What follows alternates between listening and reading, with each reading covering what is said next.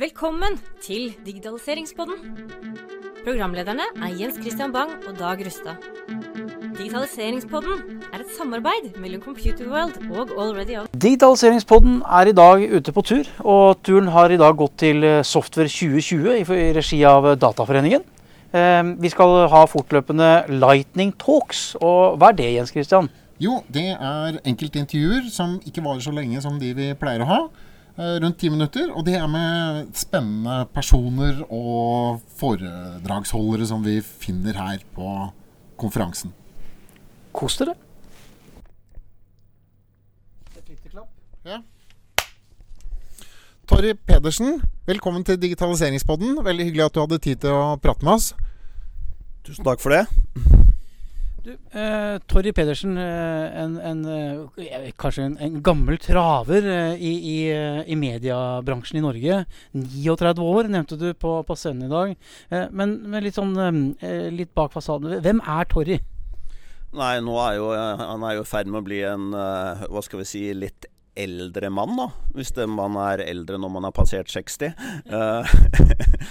Og jeg er, eh, har jobbet hele mitt yrkesaktive liv i mediebransjen. Begynte ved en ren tilfeldighet, for jeg er nemlig utdanna på BI på slutten av 70-tallet.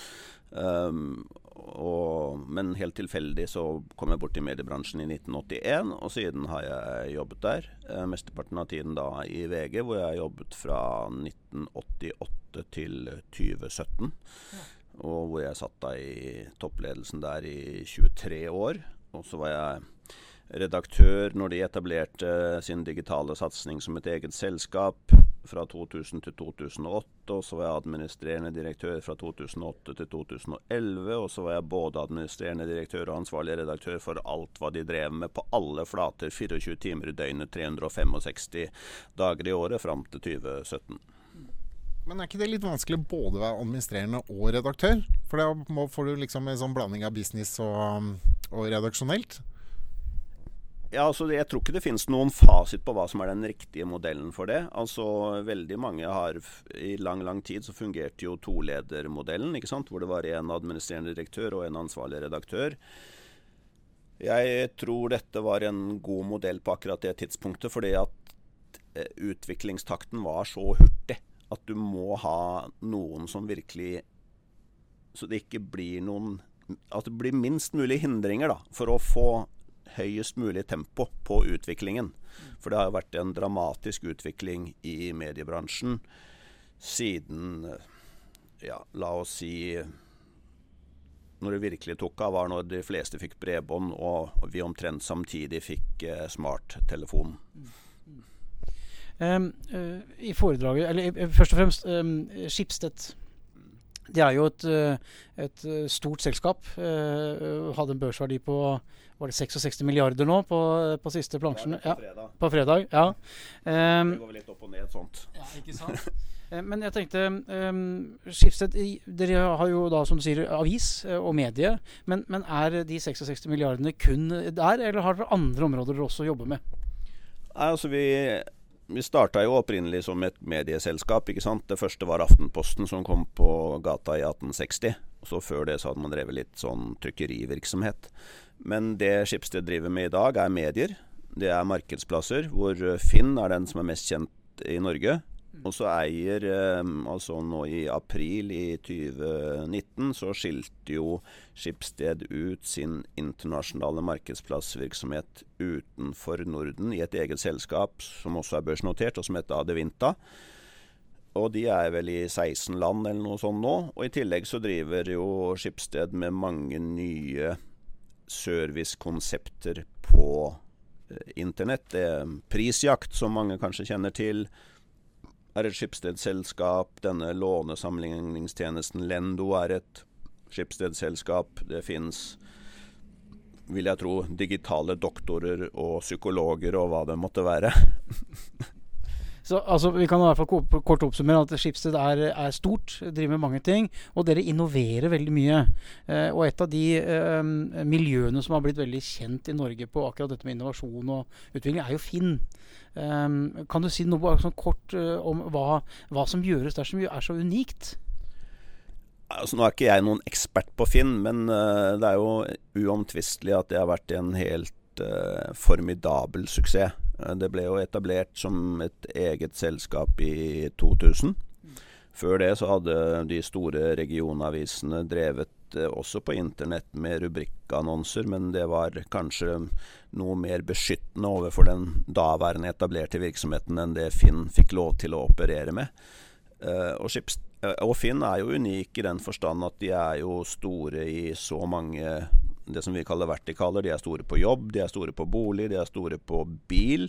De er store på sånn vanlig vanlige sånn eh, små, småting. Torget er det det heter, ja. Og de har reisetjenester og i det hele tatt. Det er jo et, et um, usedvanlig godt drevet og innovativt selskap.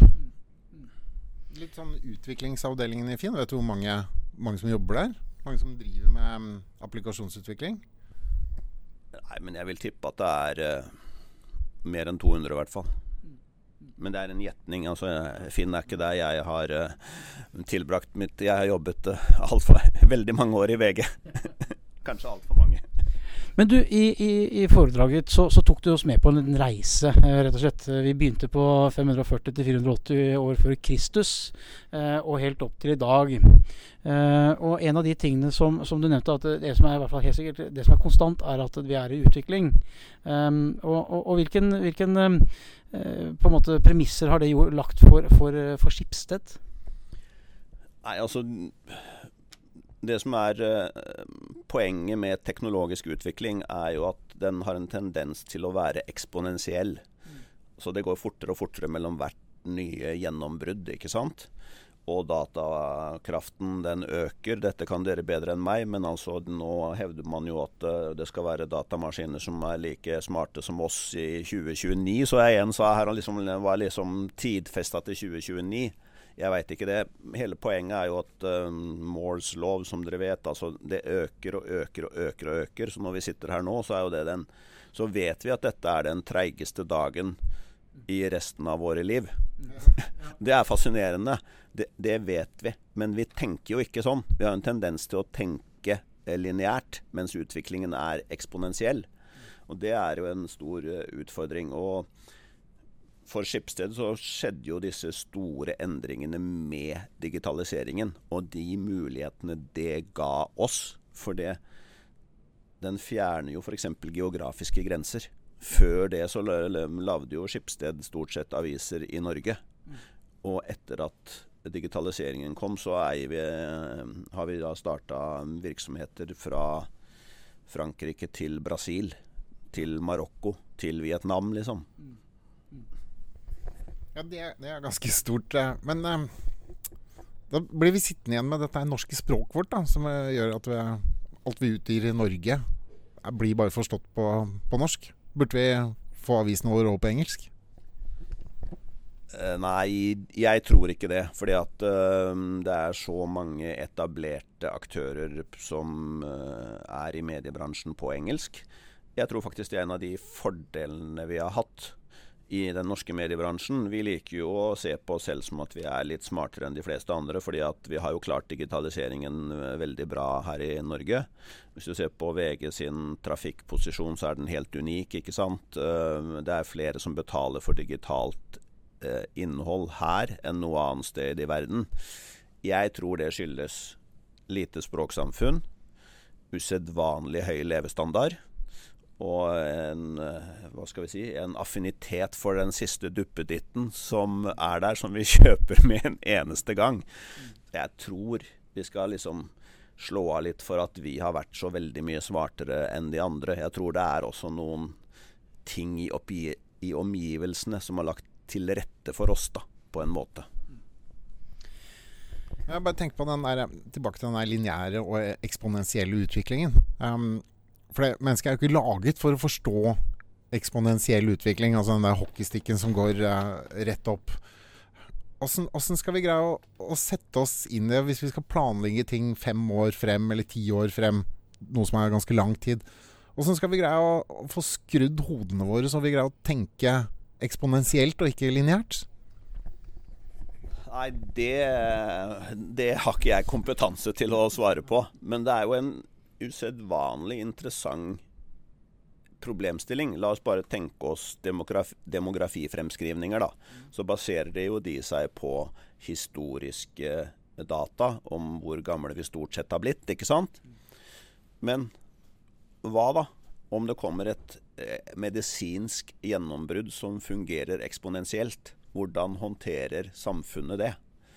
Um, og ja, Det gjør det jo sikkert. da. Altså, kreft kommer antagelig til å, å, å bli et mye mindre problem. og da, da, får du en mye høyere gjennomsnittsalder, og folk er mer opptatt av helse. Så folk blir eldre og mer aktive lengre. Så da flytter vi jo hele den der eh, alderstyngdepunktet oppover. Og så fødes det jo mindre barn nå. Så, så, samfunnet kommer til å se litt rart ut da om eh, 20-30 år. Ja, altså Her er det jo ulike utviklingstrekk i ulike deler av verden, hvis vi skal gå inn på sånn demografi. Men det er jo litt fascinerende å tenke på at hvis du skal være en Det ser jo ut som at uh, hvis du, du, må være godt opp i 70-åra skal du kunne hevde deg i den amerikanske valgkampen, da. Så det er jo liksom et varsel på hva vi står overfor. Men uh, det er jo interessant at veldig mye av de folkene i Silicon Valley, de er jo nå usedvanlig opptatt av liksom muligheten for evig liv.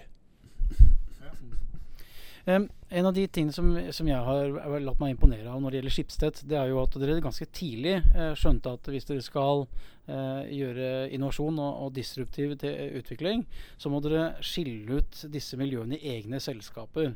Og Du var også innom uh, i, i foredraget ditt om at du kan ikke ha en kartvisning, men du må ha et kompass. Eh, for du vet ikke helt hvordan dette kommer til å ende, men du tror kanskje. Um, var det bare tilfeldig, eller var det veldig tidlig klart for dere at dere måtte gjøre akkurat dette?